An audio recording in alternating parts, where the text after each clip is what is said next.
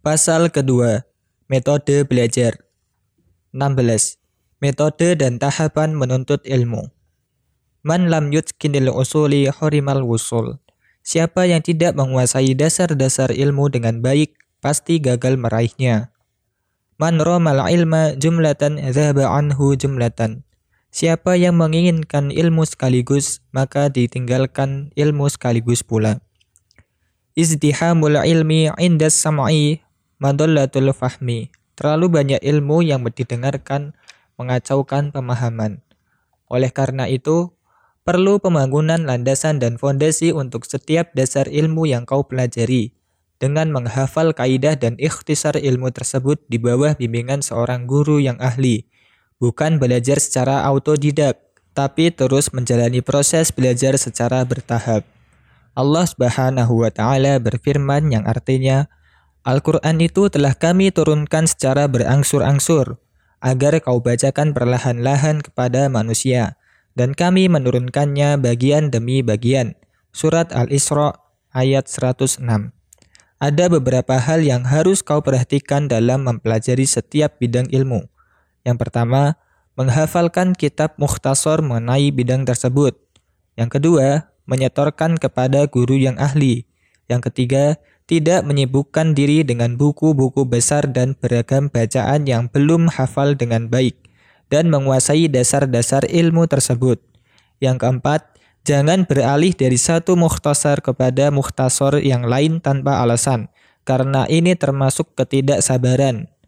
Yang kelima, mencatat informasi yang bermanfaat dan kaidah ilmiah. Yang keenam, fokus belajar dan meningkatkan ilmu disertai perhatian dan semangat meraih ilmu dan mencapai tingkatan yang lebih baik sampai akhirnya mampu mengkaji kitab-kitab tebal melalui cara yang aman. Ibnul Arabi al-Maliki berpendapat seorang pelajar jangan mencampurkan dua bidang ilmu dalam belajar dan hendaknya ia mendahulukan belajar bahasa Arab, syair, dan matematika, kemudian beralih kepada Al-Quran. Tetapi Ibnu Khaldun membantah pendapatnya serta menyatakan bahwa berbagai pengalaman tidak mendukung cara ini. Yang terlebih dahulu harus dilakukan justru mempelajari dan menghafal Al-Quranul Karim. Seorang anak biasanya lebih patuh ketika masih dalam pemeliharaan orang tua, sedangkan ketika dewasa ia akan sulit dipaksa. Adapun soal pengkombinasian pengajaran dua bidang ilmu atau lebih, maka hal ini berbeda-beda tergantung kepada perbedaan tingkat pemahaman dan semangat murid. Sebagian ulama mengajarkan fikih hambali melalui kitab Zadul Mustaqni, Zadul Mustaqni untuk pemula, Al-Muqni untuk tingkatan selanjutnya tentang perbedaan pendapat, kemudian Al-Mughni untuk perbedaan pendapat tingkat tinggi. Para murid di jenjang pertama tidak boleh duduk mengikuti pelajaran di jenjang kedua, demikian seterusnya untuk menghindari kebingungan. Ketahuilah, daftar buku mukhtasar maupun buku besar yang menjadi rujukan dalam menuntut ilmu di kalangan para syekh umumnya berbeda-beda antara satu kawasan dengan kawasan lain, sesuai dengan perbedaan mazhab serta buku mukhtasar manakah yang dikuasai dan bisa dipelajari para ulama di kawasan tersebut dalam proses pendidikannya. Di sini, kondisi juga berbeda-beda antara satu murid dengan murid yang lain sesuai dengan perbedaan tingkat intelektual, pemahaman, kuat lemahnya bakat, serta tajam tumpulnya kecerdasannya. Di daerah kami, belajar belajar kepada para syekh di masjid setelah tingkatnya selesai katotip dan menghafal Al-Quran menempuh tiga tingkatan, yaitu pemula, menengah, dan pemantapan. Dalam bidang tauhid, buku yang dipelajari adalah salah satu usul wal adilatuha al-qawaidul arba kashfu syubhat dan kitabut tauhid.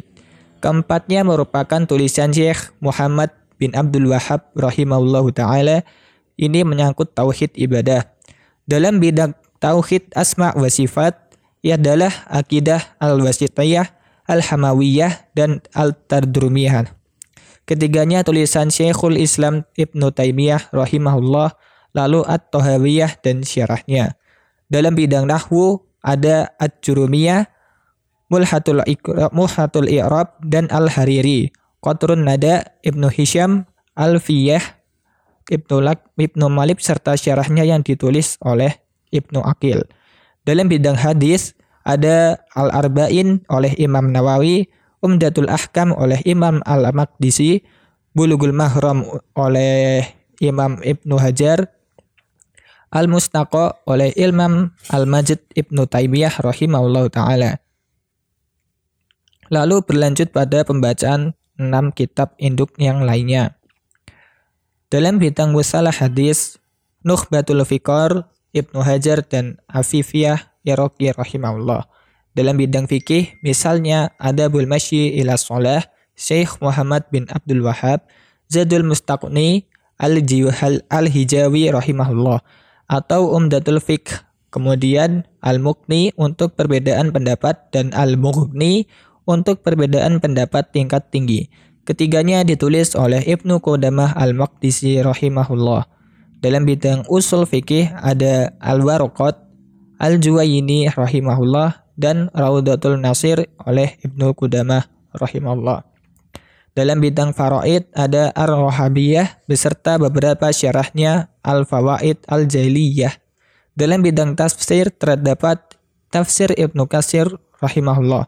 Dalam ilmu usul tafsir terdapat Al-Muqaddimah Syekhul Islam Ibnu Taimiyah rahimahullah.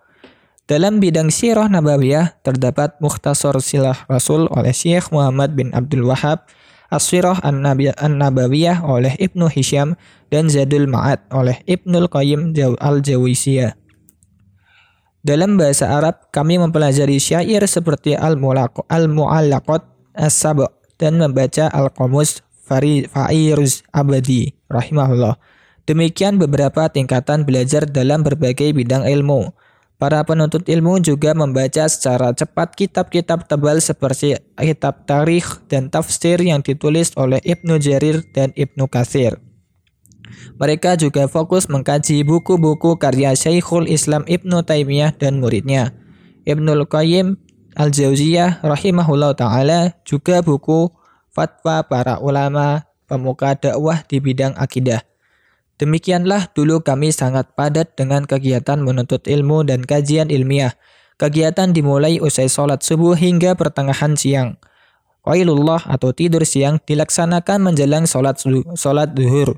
Usai melaksanakan sholat lima waktu selalu diadakan kajian.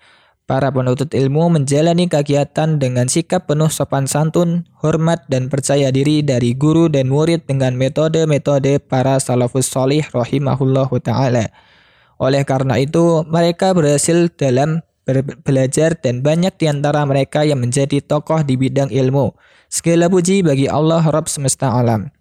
Akankah kita kembali kepada metode menuntut ilmu yang orisinal dengan mengkaji buku-buku mukhtasar yang menjadi rujukan bukan diktat. Dengan menghafalnya, bukan hanya mengandalkan pemahaman sehingga kegiatan belajar murid jadi sia-sia karena tidak memiliki hafalan maupun pemahaman.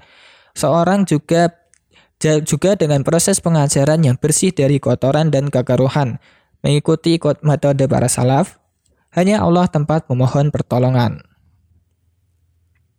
Al-Hafiz Utsman bin Khurazat wafat tahun 282 rahimahullah taala berkata, seorang ahli hadis membutuhkan lima hal. Jika salah satunya tidak ada, maka itu merupakan kekurangan.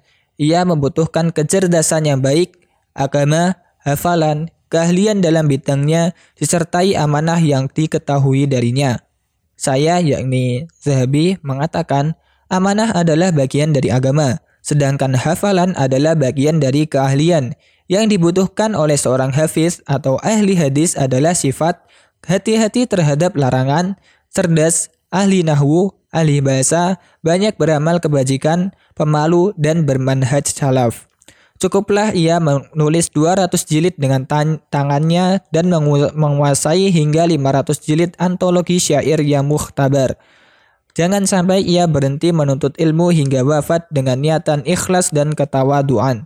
Jika tidak demikian, janganlah ia memberatkan diri. Demikian poin ke-16. Kita bertemu di video selanjutnya. Jazakallah khair.